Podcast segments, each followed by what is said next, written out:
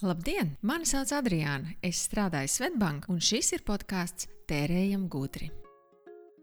Tērējam gudri ir podkāsts, kas dod iespēju tev tērēt savu laiku gudri. Tā kā šis ir podkāsts un tas ir jāklausās audio formātā, tu paralēli šim vari darīt ko produktīvu, kaut ko, kas šo stundu varētu padarīt par vērtīgu stundu. Un tikmēr tu varēsi klausīties ekspertus, kas runā par to, kā tērēt gudri, pelnīt gudri un ar maziem soļiem doties uz ilgspējīgāku nākotni.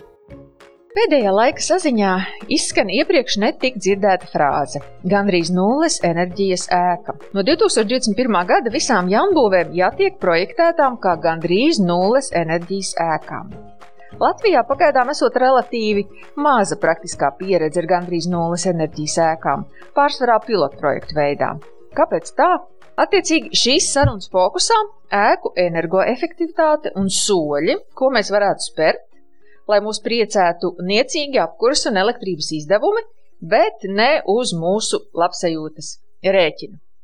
Un mani sarunas biedri šodien ir Andris Vulāns, kurš ir SIA būvfizika, būvfizikas inženieris un saprot visu par nulles enerģijas ēkām, Gandrīz nulles. Mēs runāsim. Jā. Gandrīz nulles enerģijas ēkām. Un Edgars Kudrs, Altuma energoefektivitātes eksperts.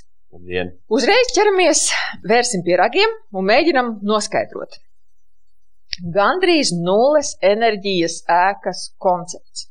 Kas tas ir? Ko tas paredz? Vai te mēs runājam tikai par privātu mājām, vai tas attiecās uz pilnīgi visu, un, un kādiem parametriem tad šai ēkai ir jāatbilst? Lai mēs varētu uzskatīt, ka tā ir gandrīz nulles enerģijas ēka. Droši vien es uh, mēģināšu sākotnēji atbildēt. Uh, ja uh, runā, vai tas attiecas uz dzīvojamām ēkām un uz nedzīvojamām ēkām, tad jā, tas attiecas gan uz dzīvojamām, gan uz, gan uz nedzīvojamām ēkām. Tad tas ir saistošs šīm grupām. Protams, zem nedzīvojumā mēs runājam par sabiedriskajām publiskajām ēkām, ražošanas ēkas, šāda tipa ēkām likumdošana šobrīd varbūt uzliek tās prasības, bet ņemot vērā, ka tuvākā laikā būs um, jauns regulējums attiecībā par gandrīz nulles enerģijas ēkām, tad uh, industriālajām ēkām šādas prasības nebūs, jā, jo tur, protams, ir sava specifika, bet pārējām ēkām jā, šādas prasības ir. Un, uh, kopumā, vai tā ir dzīvojamā, vai tā ir nedzīvojamā, prasības ir tehniskajos rādītājos līdzīgas. Teiksim, tas attiecas gan uz apkures patēriņu, ka ir noteiktas robežu vērtības, un pēc mūsu likumdošanas otra robežu vērtība ir primārās enerģijas rādītājs. Un primārās enerģijas rādītājs varbūt nav, nav ikdienā lietojams tāds jēdziens līdz šim, jo, jo tas nav skaitlis, ko mēs redzēsim savā skaitītājā. Primārā enerģija nozīmē, ka mēs vērtējam arī to, kā tā enerģija tiek saražota un cik daudz mēs vēl enerģijas pazaudējam, kamēr mēs šo vienu kilovatstundu ar, ar elektroenerģiju vai siltumenerģiju piegādājam līdz gala lietotājiem, un tur līdz ar to tas patēriņš ir augstāks un uh, ir nozīme, vai mēs šo enerģiju iegūstam ar fosilajiem energoresursiem vai, vai, ar, vai ar atjaunojumiem energoresursiem, un tad, teiksim, tā otrā prasība ir, ka primārās enerģijas patēriņš nav lielāks par 95 kWh, un šajās 95 kWh mums ietilps patēriņš gan uz apkuri, gan karsto ūdeni, gan apgaismojumu publiskajām ēkām, tad arī ir dzēsēšana, ventilācija un papildu enerģija. Tātad mēs skatāmies divus rādītājus. Viens ir apkure, un otrs ir visi pārējie energo patērētāji, un ir noteiktas robežu vērtības, kas mums ir jāsasniedz. Mm -hmm. Turbūt papildināt, tad Andri, to, ko varbūt vēl svarīgi ir ka tā pirmā robežvērtība, kas tieši apkurē, tad, ja nemaldos, ir tie dzīvojamā ēkām 40 kWh uz kvadrātmetru gadā, kas pietiekami maz patiesībā. Un nedzīvojamā ēkām tas 45 kWh. Un bez šiem rādītājiem, cik es uz informāciju esmu Andrušiem palabos, Papildus ir uh, uzstādījumi, ka ir jābūt izmantotiem atjaunojumiem energoresursiem. Vismaz daļai, jā, nu, likumdošana nosaka, ka ir, ir, ir, ir, ir jābūt, bet nepasaka precīzi cik, bet uh, tāds regulējums jā ir. Tad ir uh, laikam bija rekuperācija, Re... arī, kas, kas apgūst vismaz 75%. Tur. Uh, Vismaz likumā. Tur ir rakstīts nevis rekuperāts ar, ar 75%, procentiem, bet vismaz 75% no gaisa ir jābūt rekuperētiem. Oh, jā, Līdz ar to okay. tur ir neviens, bet Jā, idejaski jā, uh, ir, ir jābūt ventilācijas sistēmai ar siltuma atgūšanas funkciju. Un, jā, Un vēl bija, vēl, vēl bija laikam tas, ka nedrīkst būt uzstādīts zemu liederības fosilo, fosilo kurināmo tehnoloģijām. Jā. Apkuras sistēmām. Jā. Jā, teiksim, jā, jā. Tie, tie ir tādas niansītas, kas teiksim, jau iet zem tiem rādītājiem, jo primārais ir varbūt tie lielie, un tad tie ir tādi specifiskie rādītāji, bet jā, viņi ir tas, kas mums noteikti ir jāizpilda, lai ēka, ēka klasificētos kā gandrīz nulles enerģijas ēka. Un pašā definīcijā vēl arī ir teikts, ka šīs prasības ir jānodrošina pie, kā pasaka, pie normāla mikroklimata. Ja, ka mēs nedrīkstam sasniegt gandrīz nulles enerģijas ēku, varbūt tagad. Uh, Būs 15 grādiem. Jā, jā, jā, jā. Tā. Daudz visādi parametru drusciņi paskaidrosim. Tātad šī te primārais enerģijas patēriņš. Uh, kur tā enerģija, tad, kur tas tiek mērīts un kur tā enerģija mēdz pazust, ja jau tas nav tas, kas parādās mūsu rēķinos? Tiešā veidā primārā enerģija netiek nomērīta, viņa tiek aprēķināta no tās enerģijas, ko mēs saņemam. Tas no, nozīmē, mums ir piegādāts siltums, un tad mēs skatāmies, vai tas siltums ir nācis no centrāla ap, apkures sistēmas, vai viņš ir nācis no gāzes apkures sistēmas, un tad atbilstoši aprēķina met, met, metodikai mēs atkarībā no tā, kāds mums ir energoresurss, mēs viņu sareizinām ar koeficientu un tiekam līdz primārai enerģijai. Tas vairāk varbūt attiecas jau uz aprēķiniem un uz novērtējumu. Gala lietotājs to noteikti tiešā veidā neizjūt. Mhm. Un tā, tā ideja ir, ir, ir, ir tāda, ka ja tiek lietoti teiksim, energoresursi, kas ir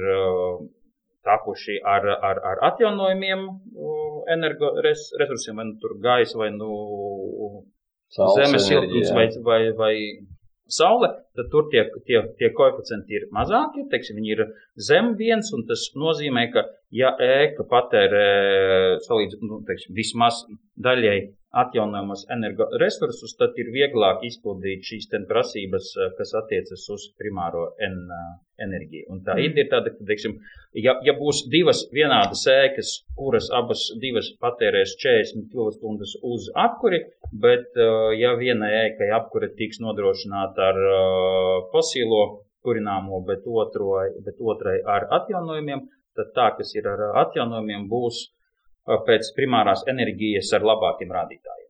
Kaut, kaut gan apkures patēriņš kā tāds ir līdzvērtīgs. Vai mēs varam izdarīt secinājumu, ka tagad visām jaunprojektētajām mājām uz jumta būs saules paneļi vai arī zemes siltumsūknis? Uh, nē, ja tā... viņas gribētu, nu, jo visām tagad ir jāatbilst šim šobrīd, nu, šeit varbūt vajag uh, noinformēt, ja tā var teikt, ka Šobrīd mums ir spēkā regulējums, kurš ir stājies spēkā ar šī gada 1. janvāri, bet procesā ir šu, šī regulējuma precizējums, un kuram vajadzētu stāties ar 1. aprīli, un tad attiecībā uz šiem kritērijiem prasības būs drusku savādākas.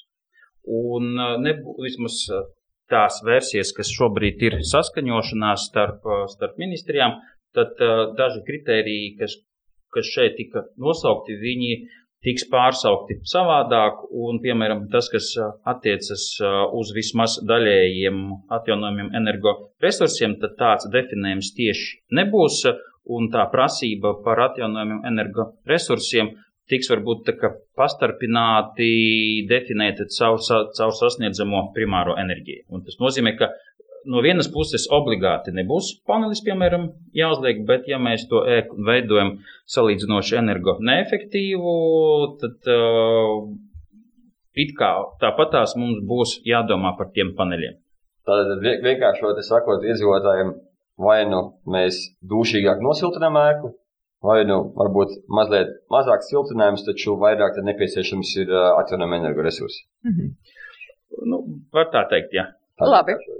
Rekuperācija. Tas nozīmē, ka vēdināt ar logu vai, va, vaļā vēršanu mēs vairāk nepraktizēsim. Praktizēt jūs to varat, likums jums to neaizliedz, bet, lai mēs sasniegtu noteiktu šos apkuras rādītājus, mums tā enerģija, tas siltums jāizmanto pēc iespējas efektīvāk, un viens no veidiem ir, ka tas gaiss, ko mēs esam izlietojuši, viņš varbūt mums vairāk elpošanai nav liederīgs, mēs viņu metam ārā, un vai nu to var izdarīt atverot logu, bet tad viņš simtprocentīgi tas arī siltums pazūd, bet ar rekuperāciju mēs varam 70-80% atgūt, un tā rekuperācija netiešā veidā veicina arī mazākus apkuris rādītājus. Mhm. Tad faktiski tas ieguvums eh, no šī te mm, koncepta ir mazāk rēķini par eh, elektrību un siltumu. Viennozīmīgi, beigās. Jā, un es teiktu arī noteikti attiecībā uz komforta apstākļiem apkuras periodā. Tās mājas ir komfortablākas, siltākas, jo ja mums ir viņas labi nosiltinātas, ir labi logi, tad mums tādā ēkā atrasties noteikti būs, eh, būs patīkamāk, un uh, mums nebūs nepieciešamība uzturēt iek, iekštelpā plus 24, plus 25, kā citi tur, jā, bet mēs arī ar plus 21 varēsim iegūt labu komfortu, jo tās norobežojušās konstrukcijas ap mums būs salīdzinoši siltas. Jo energoneefektīvā ēkā problēma ir tāda, ka loks ir augsts, lai mēs to kompetu, mēs liekam lielus radiatorus, lai to augstumu no loga aizturētu vai, vai bloķētu. Bet, ja mums ir labs loks, tad mums vajadzība pēc radiatora un pēc paaugstinātas temperatūras ļoti būtiski samazinās. Jā, ja drīkst tā mazliet eh, plašāk, vēl eh, energoefektivitāte, kā mēs arī Altumā sakām, nav tikai vienīgi energoresursu ietaupījums. Tā ir vesela tāda vērtība ķēde, un šajā gadījumā papildinot arī Andri, ko saka, ka mēs iegūstam ne tikai labāku mikroklimatu no siltuma un mitruma īpašībām, taču arī no CO2 līmeņa telpām gaisā. Ja mēs saprotam to, ka mēs vismaz trešdaļu dzīves visbiežāk guļam, tas nozīmē pavadām mājās, kas ir 8 stundas dienā vidēji, piemēram, tad, ja mums telpā jāguļ, kur ir paaugstināts CO2 līmenis, tad tā gan miega kvalitāte, gan arī pēcāk arī no rīta kognitīvās domāšanas spējas un viss pārējais, protams, būtiski samazinās. Jo īpaši tagad mājasēdes laikā, kad uh, bērniem ir jāmācās ir un tā tālāk, un tas būtiski ietekmē šo visu. Tāpēc uh, tāpat rekuperācija un uh, piespiedu ventilācija risina arī savā ziņā arī šo jautājumu. Un mēs, mēs mājās dzīvojam ar kvalitīvāku gaisu, ko mēs nu, teiksim, tā izmantojam savu Mm. Tad, respektīvi, mikroklimats ir uh, dzīvei labvēlīgāks. Nu, vispār jūs ļoti pārliecinoši bijāt, mm, bet man rodās tāds jautājums. Ja jau ieguvumu ir tik daudz, tad kāpēc šādas mājas nav jau tagad katru otrā uzceltā? Tāpēc, ka ir, protams, cilvēciskais faktors, inerce, varbūt pieņemt kaut ko jaunu, jo tas ir savā veidā nezināmais, ja, kas ir kas un tīri cilvēciski ļoti bieži, ja, ja, ja mums tas ir kaut kas nezināms vai svešs, tad bieži vien tiek pateikt labāk nē. Es drusku it kā varbūt pie, piemaksāšu vairāk un gan jau būs labi. Jautājums arī ir, kā līdz tiem rādītājiem tikt, jo, diemžēl, tā praktiskā puse ir, ir, ir, ir tāda, ka ņemot vērā, ka šīs prasības uh, saistošas uh, ir kļuvušas tikai tagad, tad līdz šim arī tā kompetence, kā šos risinājumus vai tādu ēku iegūt, uh, nav bijusi varbūt tā labākā. Un praktiskā puse ir tāda, ka bieži vien tie risinājumi, kā tas tiek panākts, ir neadekvāti sadārdzināti Jo projektētājs izdara to, to, to, to, domājot, ka it kā tas viss būs labi, bet bieži vien daļa no kaut kādiem risinājumiem ir neliederīga, un tad mums sanāk tas viss diezgan dārgi un uh, neefektīvi.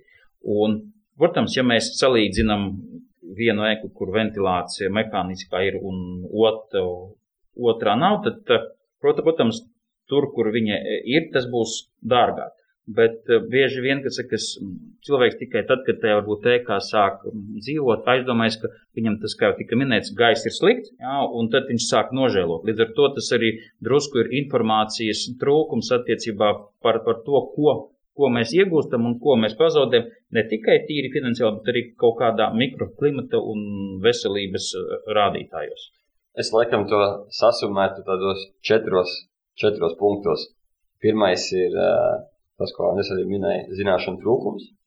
Jo arī man, esmu pabeidzis kā būvniecības, vidas inženieris, būvējot savu māju, man pašam trūkst zināšanas. Tad es pieļauju iespēju, ka nu, cilvēkiem arī bez priekšzināšanām un izglītības tas varētu būt vēl mazliet sarežģītāk.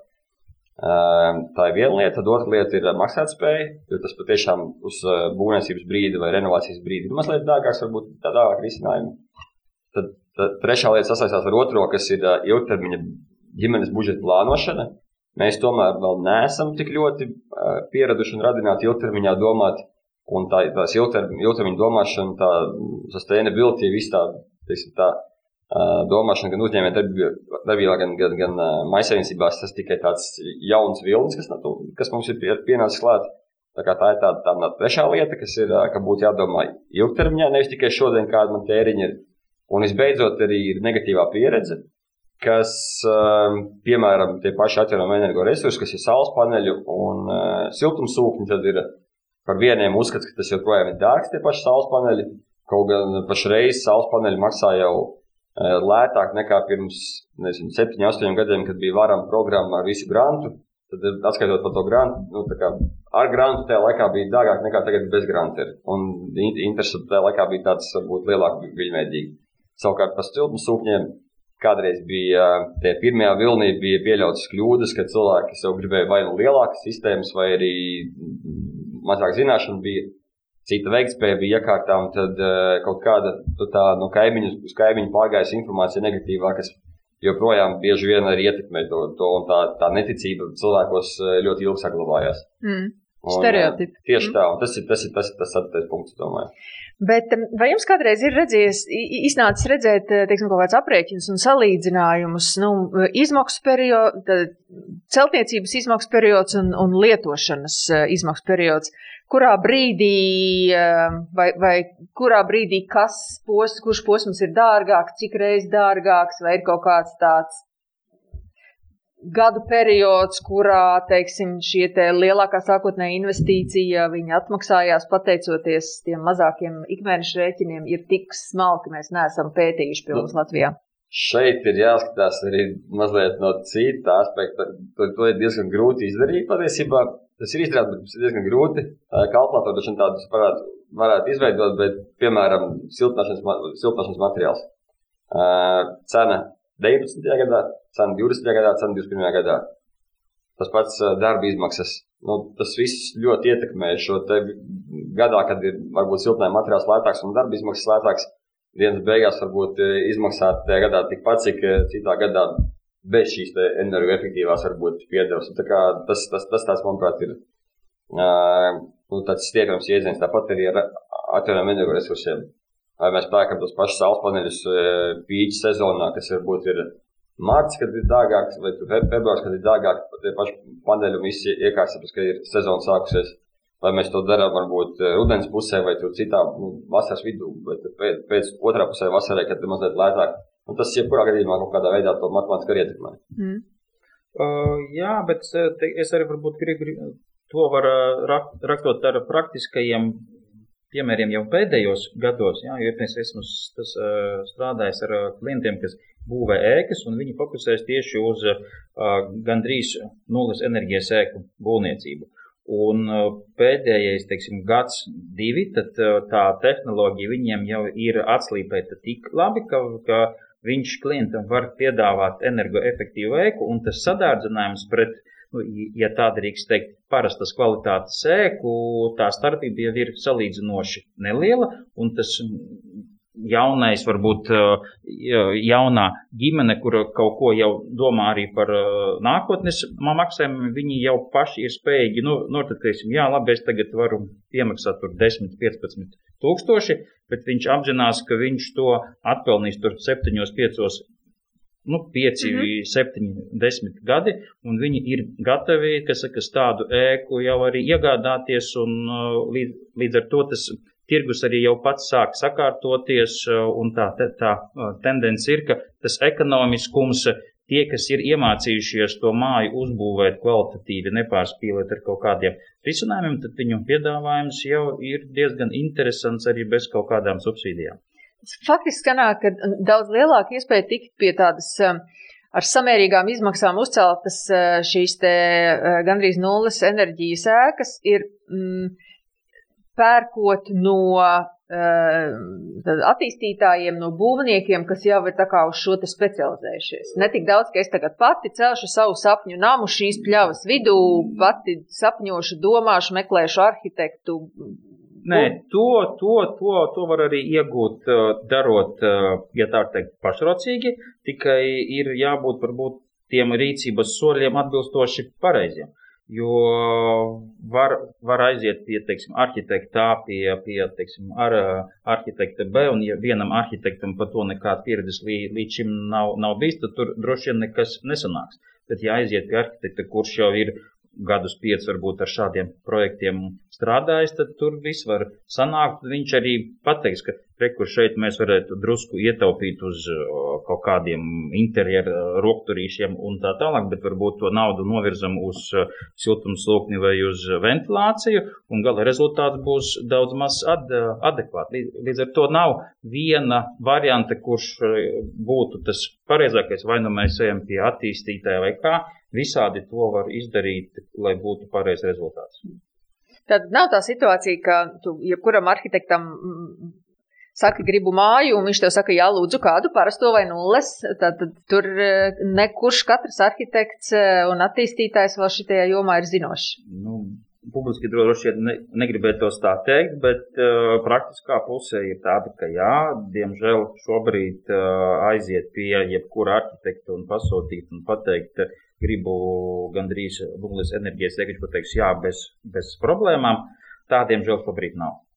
Tātad jāuzdod kontroli jautājumu, cik jā, ir, mājas tu tādas esi uzcēlis. Nu, no vienas puses varbūt uh, var tā jautāt, bet apzinoties, ka šīs prasības varbūt stājas spēkā šobrīd, tad arī liela daļa arhitektu būs, kas līdz šim tā tādas ekas nav projektējuši un varbūt uh, uzbūvējuši vai pieskatījuši.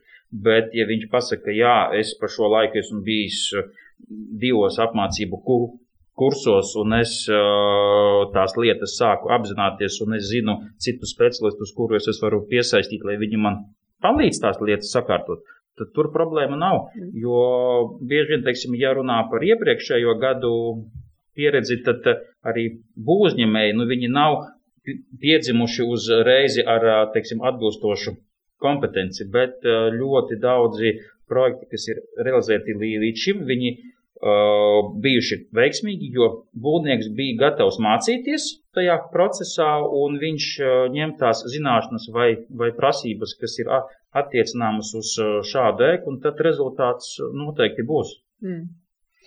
Um, labi, tik daudz par šo te nulles enerģijas konceptu, bet um, ir dzirdēts arī uh, pasīvo māju koncepts, ar kur ir tā atšķirība vienam un otram. Pasīvajām ēkām, vismaz pēc literatūras zinātniskās un, un, un to, ko speciālisti ir runājuši, nu, pasīvās ēkas bieži vien tiek kā, deklinētas kā vēl efektīvākas.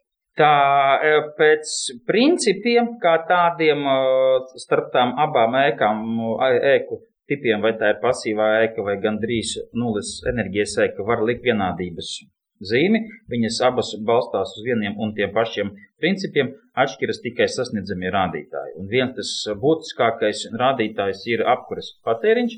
Ja mums pēc likumdošanas gandrīz nulles enerģijas ēka jābūt 40 45, tad pasīvā ēkā ir noteikts 15 kWh. Tas nozīmē, ka mums tā ēka varbūt ir drusku vairāk vēl jānosiltina, un, lai mēs tiktu līdz tām 15 kWh. Bet princips ka mums ir jānosiltina, ka jābūt rekuperācijai, orientācijai un tā tālāk. Tie visi principi ir tādi, tādi paši.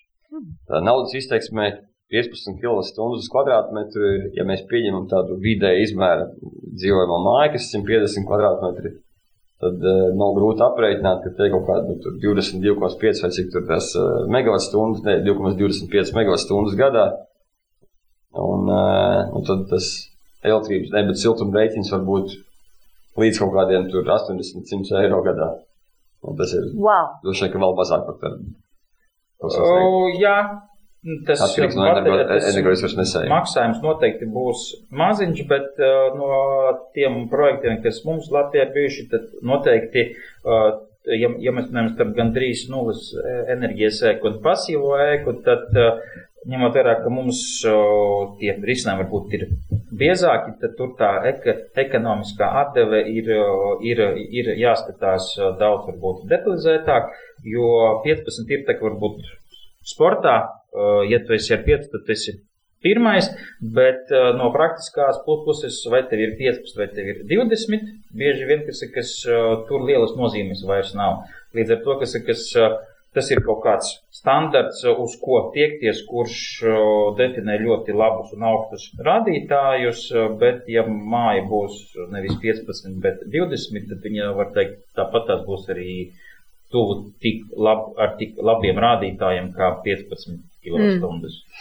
Mm. Izklausās pārāk labi, lai būtu ticami. Tur kaut kur ir jābūt āķim. Um, es domāju, vai ir kaut kādas, nezinu, skaistuma vai izskata parametri, no kā šām mājām ir jāatsakās uh, energoefektivitātes vārdā. Piemēram, logi, lieli logi. Vai tas ir kaut kas, kas iet kopā ar šo te energoefektivitātes uh, kritērijiem? Ir jāatsakās no tornīšiem turnīšiem. Neskam... Uh, nu, ja, ja brauc varbūt par kādām ēkām, kas ir būvētas, nezinu, pirms 23 gadiem, tad bieži vien bija tā vēlme, ka ir 4-5 turnīši ēkā. Ja? Ko viņi dara tajos turnīšos? Tas ir jāprasa viņiem. Princis. Jā. Uh, No logiem nav jāatsakās. Logu laukums principā pat pieaug, ja mēs salīdzinām ar parastu ēku, varbūt ar, ar projektu, kurš ir taisīts pirms gadiem 20 vai 30, bet eh, nozīme ir eh, varbūt, eh, kurās debes pusēs mēs tos lokus veidojam. Jo, ja tā teikt, parastā mājā mums logi ir visās debesu pusēs daudz maz simetriski parasti, tad energoefektīvā ēkā mums logu izvietojums pa debesu pusēm ir atšķirīgs un būtu jābūt tā, ka pret dienvidu pusi pret dienvidu pusi orientētiem logiem būtu jābūt ar lielāku platību nekā, piemēram, ziemeļu pusē. Jo tā ideja, ide, ideja ko energo, vai, vai nu tā ir gandrīz nulles enerģijas ēka vai pasīvā ēka, tad tur ir tā, ka tas loks strādā kā sava veida radiators, kur mēs dabūjam to nosacīti bezmaksas enerģiju, ko mums dod uh, saulīte. Un pie mūsu platuma grādiem mēs to saulīti visvairāk varam dabūt dienvidu pusē, un līdz ar to tur ir jābūt tiem logiem, kas mums dod iespēju to enerģiju dabūt. Mm -hmm.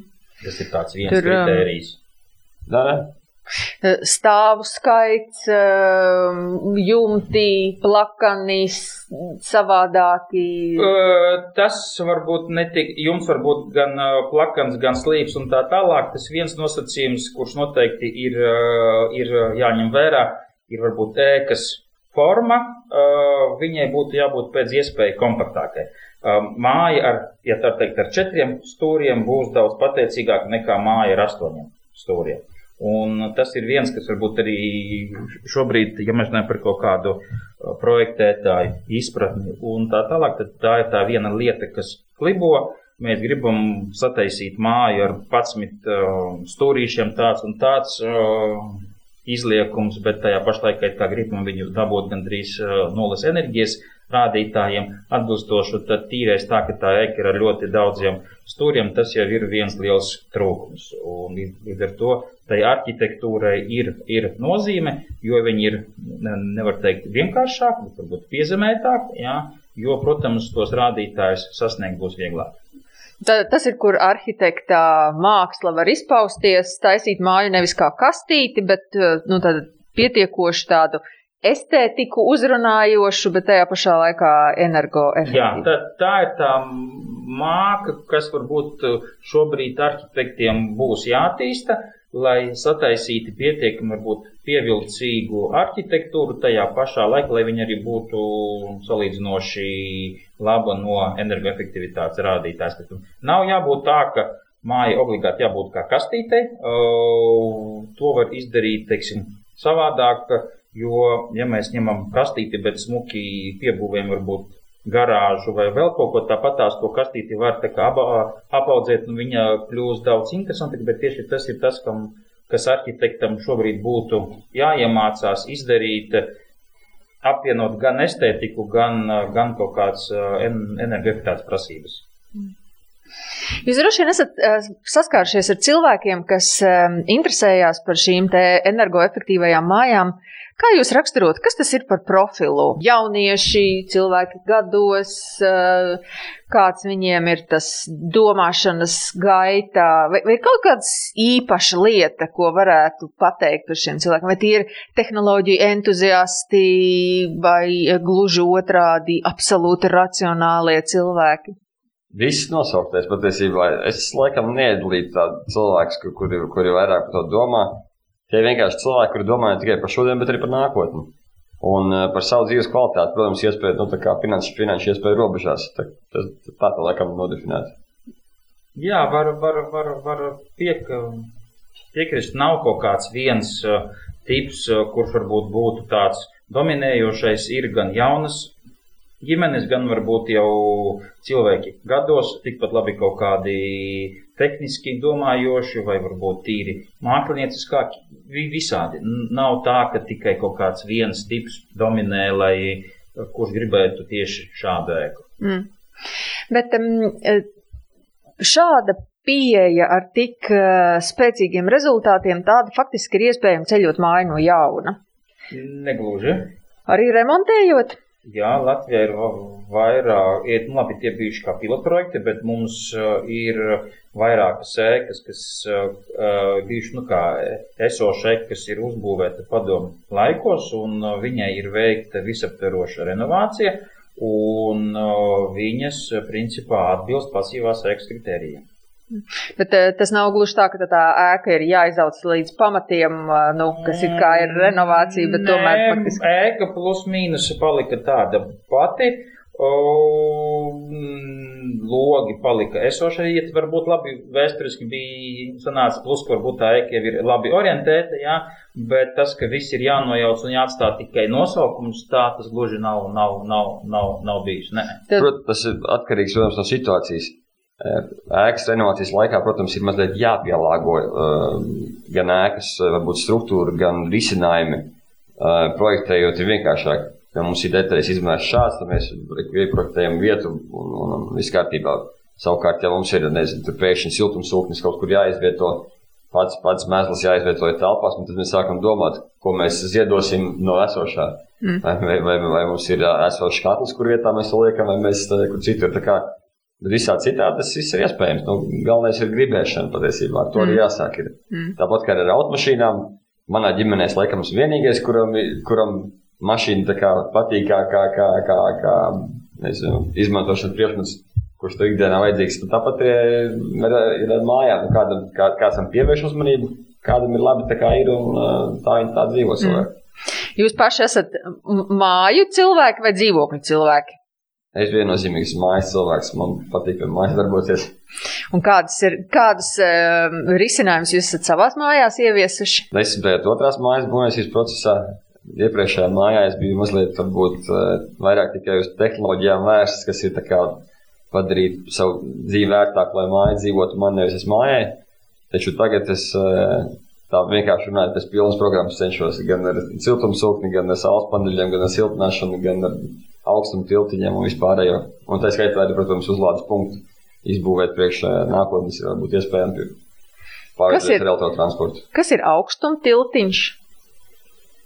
Viņš jau pasaka, vieta, kur ir nu, nosacīti augstuma tilts, jeb tilts vieta, kas veidojāt, caur kurieni uh, siltums var viegli pazust. Tās ir lokālas vietas, kas nav visa siena, bet varbūt savienojums starp sienu Stūri, un uh, grīdu, kur veidojas fizikāli kaut kāda vājāka vieta, un tās vietas tiek uh, sauktas par uh, augstumu vai termiskajiem tiltiņiem. Hmm.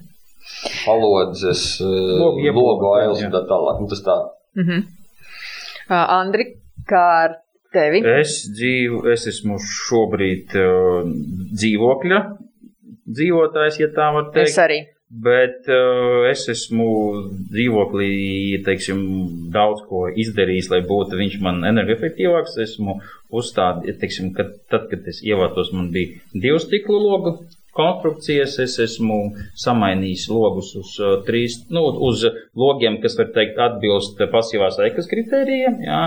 Tā kā ņemot vērā, ka man ir pēdējais stāvs, es arī esmu pats beidziņus papildu nosiltinājis. Un līdz ar to es esmu arī dzīvoklī daudz ko izdarījis, lai viņš man būtu energoefektīvāks. Un teiksim, es arī pēc skaitītājiem un varbūt ar kaimiņiem komunicējot, arī redzu, ka mans dzīvoklis pret blakus dzīvokļiem ir teiksim, energoefektīvāks, jo es esmu kaut kādas darbības arī veicis, lai tas tā būtu. À, nu, par dzīvokli runājot, jā, tad eh, no manas puses ir tas, ka esmu uzstādījis vietēju latviešu ražojumu siltuma siltum sistēmu, apkures sistēmas automatizācijai, lai, lai varētu ieprogrammēt gan, gan telefonā, gan klātienē, saliest kādu komforta zonu, kad ir, kad ir eh, laiks, kad, kad guli, kad kā, kādas temperatūras, kurai istabā ir, kad tu esi projām, kāda temperatūra, un tāpat arī mēs eh, mājās diezgan duši sakojam līdzi arī CO2 līmenim, tāpēc, ka tīpaši guļamistabā tas ir tas, ko es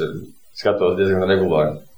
Un, lai nebūtu gan, gan, gan pārāk sausa gaisa, arī lai nebūtu CO2 paaugstināts. Mm. Var sakot, tās maisainīcības, kad dzīvo jau uzceltās ēkās, viņiem nav jābūt situācijas ķilniekiem. Tur joprojām ir lietas, kuras ir iespējams darīt, mainīt un uzlabot. Galvenais ir saprast, kas ir tās būtiskākās. Domāju, ka jā, tur varbūt autums var, jo ir, ir jau, kas, kas arī programmas šo, šo, šobrīd, kas tieši vērstas uz daudz dzīvokļu energoefektivitātes paaugstināšanu, un tur ir ļoti daudz iespējas, kā šos mājokļus uzlabot. Jā, nu, pašreiz mums atvērts uh, uzsaukums nav daudz jau mājām. Es esmu gana drošs, ka varētu līdz gada beigām atkal būt šis, šis jaunais uzsaukums. Tad, uh, jā, tad automā ir, ja mēs runājam par finansēm, ir pieejams grants uh, kopā ar, ar, ar, Komercbankām, ar aizdevumu, Svetbanka aizdevumu. Tad tas ir realizējams plus papildus, kad no pavasara būs, ne, nepateikšu precīzi datumu, bet būs arī grāmatu programma priekš privātu mājām, priekš privātu māju energoefektivitātes, kur varēs pieteikties dažādi veidi ģimenes un dažādu dzīves lokāciju ēku energoefektivitātei, kur mēs varam sniegt atbalstu līdz 1000 eiro tehniskai dokumentācijai un līdz 5000 eiro grantam, kā arī, protams, ja papildus tiek ņemts aizdevums, pieņemsim, Svetbankā, tad mēs varam arī no savas puses piedāvāt papildus garantiju, ja, ja, ja pieņemsim, ir nodrošinājuma trūkums mm. pret, pret banku. Tā kā šāda programma arī tagad būs tuvākajā laikā vaļā. Bet kas ir tā institūcija, pie kā man vērsties, ja es, teiksim, gribu nu, savā mājā vai savā dzīvoklī veikt šos energoefektivitātes uzlabojumus, bet, um, nu, es tajā neesmu iedziļinājusies un, un man ir citas lietas dzīvē, par ko man ir ļoti daudz jādomā. Kur es varu dabūt ekspertu, kas atnāk pie manis un pasaka, tā, tev vajag izdarīt šīs četras lietas? Nu, es vien no savas puses teiktu, es teiktu, sākumā jāsāk ar uh, interneta uh, izmeklēšanu, teiksim tā. Uh, savā dažādus atslēgvārdus. Uh, Andris var izstāstīt no savas pieredzes, kā labāk, bet uh, tas, ko es darītu no tāda iedzīvotāja viedokļa, tad es no sākuma internetā atrastu dažādus uh, atsauksmes par to, kas kur bija noticies kaut kāds pēc atslēgas vārdiem. Tad droši vien es vērstos arī pie savas apkalpošanās uh, Komercbankas, piemēram, pie Svetbanka, uh, lai izstāstītu varbūt arī viņu viedokli, jo viņa pie jums nāk tomēr arī kreditēties, un kāds viņš ir arī komunicējis. Un uh, tad apkalpojušais uh, klienta menedžers vai vadītājs, nezinu, kā pareizi tas saucās, tad arī droši vien var izstāstīt. Un uh, papildus, protams, var piezvanīt vienmēr arī uz Altumu. Tā kā, nu, tās, tās, tās tās darbības, ko es, ko, ar, ar kurām es sāku. Jā, bet es, es vienkārši domāju, banka droši vien nemācīs pateikt, vai man vajadzētu labāk logu mainīt vai sienu siltināt. Ne, bet banka kā finansētājs var tev ieteikt, pie kā vērsties. Reku, mums ir bijusi pieredze tāda un tāda. Nu, tā kā, jo mūsdienās jau, manuprāt, arī finansētāji jau ir palikuši kļuvuši ne tikai kā naudu atnes aiznesi vai arī to apkalpo, bet arī ar padomu sniedz. Šito nedara, šito dara tā vai šitā citādāk, jo Nevēl ir arī komercbankās eh, kaut kāda limita kvadrātmetru cenai, ko atbalstat būvējot. Tas nozīmē, ka tā ir pieredze. Un tāpēc, ja klients atnāk pēkšņi ar būvnieku tām, kas ir divreiz lielāka, tad banka pasaka, klau, nu, te kaut kas nav kārtībā. Īstenībā aizvarbūt vēl pie citiem painteresējies, jo varbūt nu, šis būvnieks vairāk ir nopelnījis šajā, šajā, šajā projektā. Tāpēc, ja bankas tomēr arī pēc zināšanām, es domāju, tādām vērsties. Mhm. Droši vien, eh, ja runā par speciālistiem, kas to dara, tad mums uh, nu, ja ta, ne tikai pie mums, bet arī jebkurā citā valstī ir speciālisti, kas tieši nodarbojas ar jautājumiem, kas ir sasaistīti ar energoefektivitāti. Varbūt tas tautā iegājies, viņu raksturojums ir, ir, ir energoauditors. Pēc certifikāts viņa skaitās energoefektivitātes neatkarīgais eksperts, un principā viņi ir tie, kas dien dienā strādā ar jautājumiem, kas ir saistīti tieši ar, ar, ar, ar energoefektivitāti, un, ja nepieciešams, padomus vai kaut kāds redzējums, tad noteikti var meklēt arī viņus, un tad viņi varētu ieteikt uh, kas būtu efektīvāk, vai tagad sākt ar logu nomaiņu, vai nosiltināt fasādi, vai uzlikt jaunu apkures sistēmu, un tad nu, viņš varētu būt tas, kurš palīdz šīs lietas sakārtot. Skaidrs. Tātad par gandrīz nulles enerģijas sēkām mēs noskaidrojām, noskaidrojām par pasīvajām, un tagad mums vajadzētu noskaidrot par gudrajām mājām. Tātad ir risinājumi, kas var iedot arī kādus ieguvumus ar tehnoloģiju palīdzību, iespējams pat pirms mēs lemjam par labu vērienīgam remontam. Un, lai noskaidrotu, kas ir šie risinājumi, mēs piezvanīsim Digim Solimam, kas ir Tele2 produktu direktors. Lūk, mēs te izrunājām, kādas visādas gudras lietas varētu darīt, ceļot mājas no jauna un mājas remontējot.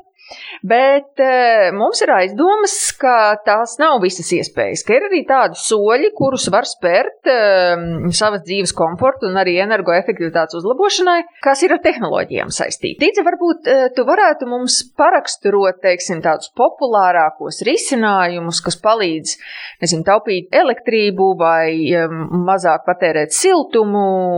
Nu, jā, noteikti ir, ir, ir, ir vēl ko es tagad neminu. Nu jā, droši vien, ka jūs, jūs un mūsu siltuma taupīšanas sarunas kontekstā vis, vis tie, kas būtu vispirms jāmin, ir droši vien risinājumi, kas, kas tieši palīdz taupīt to siltumu. Un, un nu, tur jau jāsaka tā, ka tās tehnoloģijas ir, protams, attīstībā, bet uh, ir virkni lietas, kas jau ir pieejams diezgan pasen un kuras daudz arī cilvēku lieto. Tā kā, faktiski, manuprāt, tas, tas pirmais un, un pats, pats ja tā var izteikt, teiks, eh, pamatlīmenis ir, ir vispār termostats kā tāds. Eh, pat ja viņš nav kāds īpaši gudrs un kaut kā pieslēgts caur internetu un tam līdzīgi, viņš noteikti eh, palīdz ietaupīt to enerģiju, jo nu, ir pilnīgi katram skaidrs, ka, ka, ka, ka ja katls un apkurs sistēma seko līdz tam, kas, kāds ir laika, nu, cik, cik grādi ir ārā un, un attiecīgi, cik, cik grādi ir iekšā. Tas pilnīgi skaidrs katram, ka tur ir absolūti elementāra matemātika, ka tas var um, noteikti ietaupīt tos izdevumus. Tad, protams, nākamais līmenis ir, ir, kad šis termostats uh, nav viens, bet viņš jau ir sazonēts pa, pa, pa, pa attiecīgi māju vai dzīvokli, un ka mēs nevis uh, runājam par vienu uh, kopēju telpu, kurā tiek noturēta temperatūra, bet jau par atsevišķām telpām jau skaidrs, ka, kad eh, varbūt, piemēram, guļam istabā eh, naktī mēs varbūt īstenībā gribam pat, eh, pat vēsāku vai ne, un pa dienu atkarībā no tā, vai tur kāds uzturās vai nē, tad gribam vai, vai, nu, vai nu vēsu, vai varbūt mazliet siltāk, un, un tā, nu tur, es domāju, ka nav jāskaidro daudz, lai katrs pats saprastu, ka ka uh, katrai telpai ir kaut kāds tas uh, lietojums un, un, un tas brīdis, kad mēs viņu gribam, lai tur ir tas siltums un attiecīgi, attiecīgi nu, tad, tad, tad ir skaidrs, kāpēc mēs gribam sazonēt, sazonēt māju. Nu, tas, tas būtu tāds tā kā nākamais līmenis, un tas, manuprāt, arī jau daudziem ir, un, un, un arī tur, nu, ne, nevar teikt, ka tas ir kaut kā šausmīgi kā zem gudrās mājas zīmola, bet katrā, katrā ziņā jau, jau ir tāds, nu, tāds, tāds pieklājīgs līmenis. Nu, nu tad, tad, tad nākamais jau būtu, vai ne, droši vien, ka, ka tie termostati tajās uh, zonās ir nevis vienkārši parasti uh, rimbulīši, kur mēs, kurus mēs uzstādām tur uz, nezinu, piemēram, 22 grādiem, bet jau uh, programmējams iekārts, kuras to attiecīgo loku jau, jau, jau var var vadīt, uh, nu, uh, uzstādīt viņam kaut kādu grafiku, teiksim. Es gribētu, lai mana otrā vans istaba būtu silta darba dienas uh, rītos, jo tad vienīgā, vienīgais laiks, kad viņi tiek lietot, tur pārējā laikā ot, otrs vans istaba nav vajadzīga. Nu, um, šāds jau, es domāju, tāds, tāds jau, jau augstāks līmenis, ko, kur es, es domāju, ka tas jau vairs nav kaut kas tāds, kas ir nu, tā, tā plaši lietots. Uh, nu, un tad, protams, mēs varam pacelties vēl pāris līmeņus uh, augstāk, uh, kur nākamais, teiksim, būtu, ka katrā šajā te zonā ir nevis manuāli iestutīts grafiks, bet, bet ir kaut kāds, nu, tas pats, nu, līdzīgi kā nests, mo monitorē mūsu, mūsu uh, paradumus un pats sastāda to grafiku, tad tīri teorētiski ir iespējams arī protams, kad, kad katrā šajā zonā tas, tas grafiks pamazām top un, un tad eh, nevis mēs viņu iestādam tā pilnīgi, pilnīgi, teiksim, ieprogrammējam, kad kat, kat, katru otro piekdienu lūdzu eh, izslēdziet apkuri, jo es dodos ar, ar, ar, ar draugiem, bet, bet, nu, ka viņi paši tā kā novēro un pamazām redz, kāda tad ir tie mūsu, mūsu, mūsu tās lietas, ko mēs darām un nedaram mājās, un, un, un tad viņi to grafiku tā kā uztaisa paši, un savukārt, lai viņi varētu to grafiku uztaisīt, viņiem not, noteikti noder tas sensors, kas, nu, viņiem iedod informāciju par to, vai vispār dotajā zonā, istabā vai vispār mājās kāds ir. Nu, tad attiecīgi skaidrs, ka tad arī tad pašam pieminētājiem nestam ir, ir tie varianti, kad, kad tas, tas tā iekārt pats saprot, vai kāds mājās ir vai nav, jo nu, tas arī, protams, ir ļoti, ļoti no svara. Tas, varētu teikt, ka tā kā nākamais līmenis, jo, jo, ja mēs nezinām, vai cilvēks ir mājās vai nav, tad ir ļoti grūti arī saprast, kādu to kalendāru vajag, vajag uztaisīt. Nu jā, nu un tad nu, tad, protams, ka tas, tas ka to, šīs sistēmas var vadīt tur caur telefonu vai, vai attālināt vai, vai, vai caur datoru, tas, tas jau teikt, kā pats par sevi saprotams, tā vairs nav nekāda novitāte. Nu, tā es redzu, nu, tā pa līmeņiem uz augšu ejot, kāds varētu būt. Tas pats augšējais līmenis ir droši vien, kad, kad mākslīgais intelekts vada šo sistēmu, monitorē visas atsevišķās istabas, kur visos ir sensori un viss notiek drosmīgi automātiski. Nu, tā reāli Latvijas apstākļos, protams, protams, šādai lietai Uh, nu, nevienmēr ir, ja tā var izteikties, biznesa case, jeb, jeb, jeb racionāls matemātisks pamatojums, nu, to var drīzāk varbūt darīt kāds, kāds kuram, kuram, nu, vienkārši ir prieks par to, ka viss šādā sistēmā lieliski darbojās un, un kā saka, katrs, katrs mēs izkliedējamies kā, kā, kā, kā patīk. Nu, tāds būtu mans skats par to, par to, kāda ir tie līmeņi attiecībā uz energo resursu taupīšanu. Paldies par to. Eh, bet eh, vēl viens jautājums. Vai, teiksim, šo risinājumu ieviešana, vai tā prasa tādu agresīvu rīcību? Nu, respektīvi, man tagad ir sienās jākaļ caurumi un eh, jārau jārā trubas un vadi un kaut kas pa jaunu jāsavieno un jāmaina, vai tas ir tā maigāk izdarāms?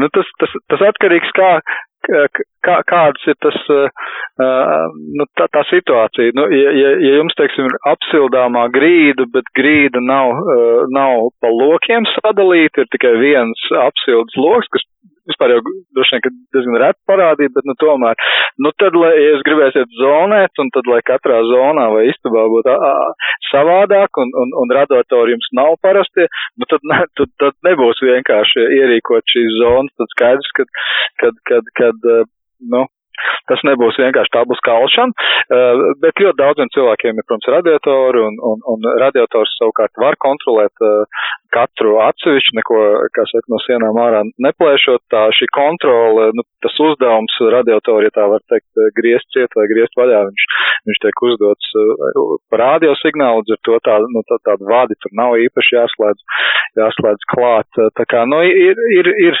ir pietiekoši daudz gadījumu, kad, kad to visu var izdarīt uh, To visu var izdarīt ar uh, salīdzinoši nu, nelielu plēšanu un raušanu. Protams, vislabāk ir tad, ja ceļam no paša sākuma, tad, tad, tad vienkārši izdomājam visu līdz galam skaisti, kā mēs gribam, visu pa lokiem, un iespējams radiatori nav tie energoefektīvākais variants, labāk ir tur siltā grīda, un bišķi efektīvāk sanāk uz, uz, uz, uz, uz patēriņu līdz ar to, tad saliekam tās grīdas, kā un kur vajadzīgs, lai, lai viss plūst un, un zonas ir, un, un tad jau pēc tam to risinājumu, kas ir digitāli tās virsū, to, tā, mhm. tā ir tā, nu, tāda vieglāk ieviešama lieta. Kādos vēl virzienos mūsu mājas dzīve var uzlabot šie gudrie risinājumi? Nu, te, te, te jau varētu daudz un dikt runāt par, par to, ko, ko tik visu mēs neredzam tagad. Daudz ierīces viņas tiek pieslēgtas caur, caur, caur internetu un, un tajā pašā mirklī tiek uzreiz momentāli nosaukts arī par gudrām. Tas mums pašam katram droši vien jāsaprot, cik viņas īsti līdz galam gudras ir vai, vai, vai nav. Cits ir gudrāks, cits ir mazāk gudrs. Nu, skaidrs, ka uh, pirmkārt jau viss, kas saistīts ar, ar, ar apgaismošanu, uh, nu, tur, tur, tur nav, nav problēma šo te savietot kopā ar, ar, ar digitālo asistentu, teiksim, Google asistentu un, un, attiecīgi slēgt iekšā ārā gaismas. Tas gan iespējams pat par sevi neietaupīs enerģiju, bet, nu, varbūt vienkārši tāda patīkama, patīkama lieta. Nu, tad, protams, var likt digitāls, digitālas atslēgas priekš visiem tiem, kas, nu, pašlaik Covid, bet, bet, nu, idejas, ka visi Airbnb varianti, kur, kur cilvēkiem ir jāielaiž savās mītnēs kādu, kādu citu, un to var izdarīt attālināti, un nav, nav jāslēdz atslēgas zem paklāja. Tas, tas, protams, pats par sevi ir, ir interesanti. Nu, tad, nu, ja mēs varam uzskatīt, sagaidīt, kad, kad, kad zāles pļāvēja tie, kas ir tie gudrie, kas, kas paši staigā ārā un, un, un sapļāva zālīt uh, attiecīgā perimetrā un arī ir vadām, protams, uh, digitāli. Ja mēs varam uzskatīt, ka, ka, ka tie arī ir gudrās mājas sastāvdaļa, tad arī tie parādās arvien vairāk. Protams, arī putekļu sūcēji uh, iekšā Tur varbūt mazāk. Es, man grūti pateikt, vai viņas var uzskatīt par, par gudrās mājas sastāvdaļu vai nē, bet nu, droši vien, ka tā, tās ir viedierīces un, un, un, un, un nu, zi, zinām, zinām uzlabojumu salīdzinoši ar, ar, ar, ar putekļu sūcēju parasto, ja tā var izteikties, tur noteikti ir.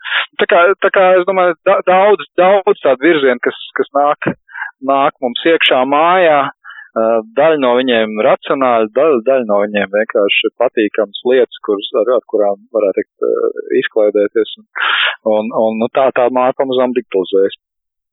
Lielas paldies, Digi, par šo ieskatu. Man klausoties, Digi, radās tāda tomēr pārliecība, ka spēks ir tajā domāšanā uz priekšu. Lietu laicīgā paredzēšanā nav tā, ka neko nevar mainīt un grozīt, bet uh, labāk ir um, pieņemot, teiksim, tādus izšķirīgus lēmumus par mājas celšanu, domāt ne tikai šī un nākošā gada perspektīvā, bet uh, gadus 10, 20 uz priekšu. Viennozīmīgi piekrītu jādomā ir ilgtermiņā.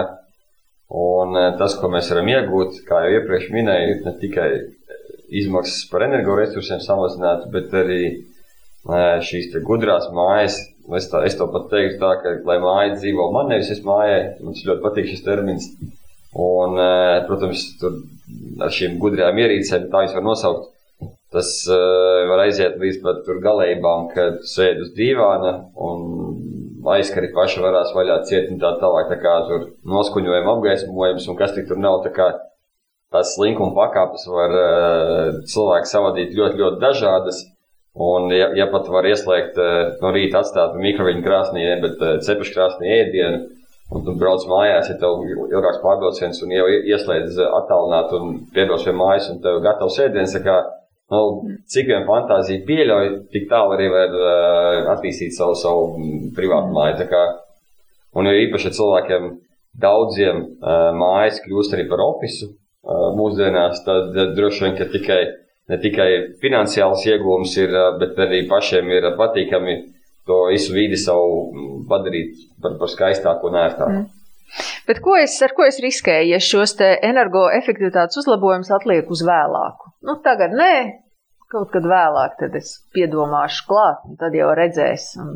No vienas puses, varbūt neriskē ne ar ko, bet uh, otrs risks, protams, ņemot vērā, ka tā tendence un virzība tomēr ir, ka tas viss, ka uh, jaunais top, teiksim, energoefektīvāks, gudrāks un tā tālāk, ja tas īpaši mums pēc kāda laika ir viņu ideja pārdot vai, teiksim, izīrēt, bet es domāju, tas būs viens no faktoriem, kas tomēr kaut kādā brīdī kļūs nozīmīgs, teiksim, ja, ja man ir jāizvēlās starp māju A, A un B, un, teiksim, vienā mājā man pārdevējs var, var, var skaidri, skaidri gaiši pateikt, tev maksājums būs par 500 eiro gadā, Otrs pasaka, ka nu, bez 2000 tu netiksi cauri. Ja? Un, ja tās summas ir plus mīnus līdzīgas, līdz ar to kaut, kaut kādā brīdī arī uh, tā, tā teiksim, energoefektivitāte būs viens no kritērijiem, pēc kura sāks vadīties vai nu potenciāli pircēji. Un tad, kas, kas, jo mēs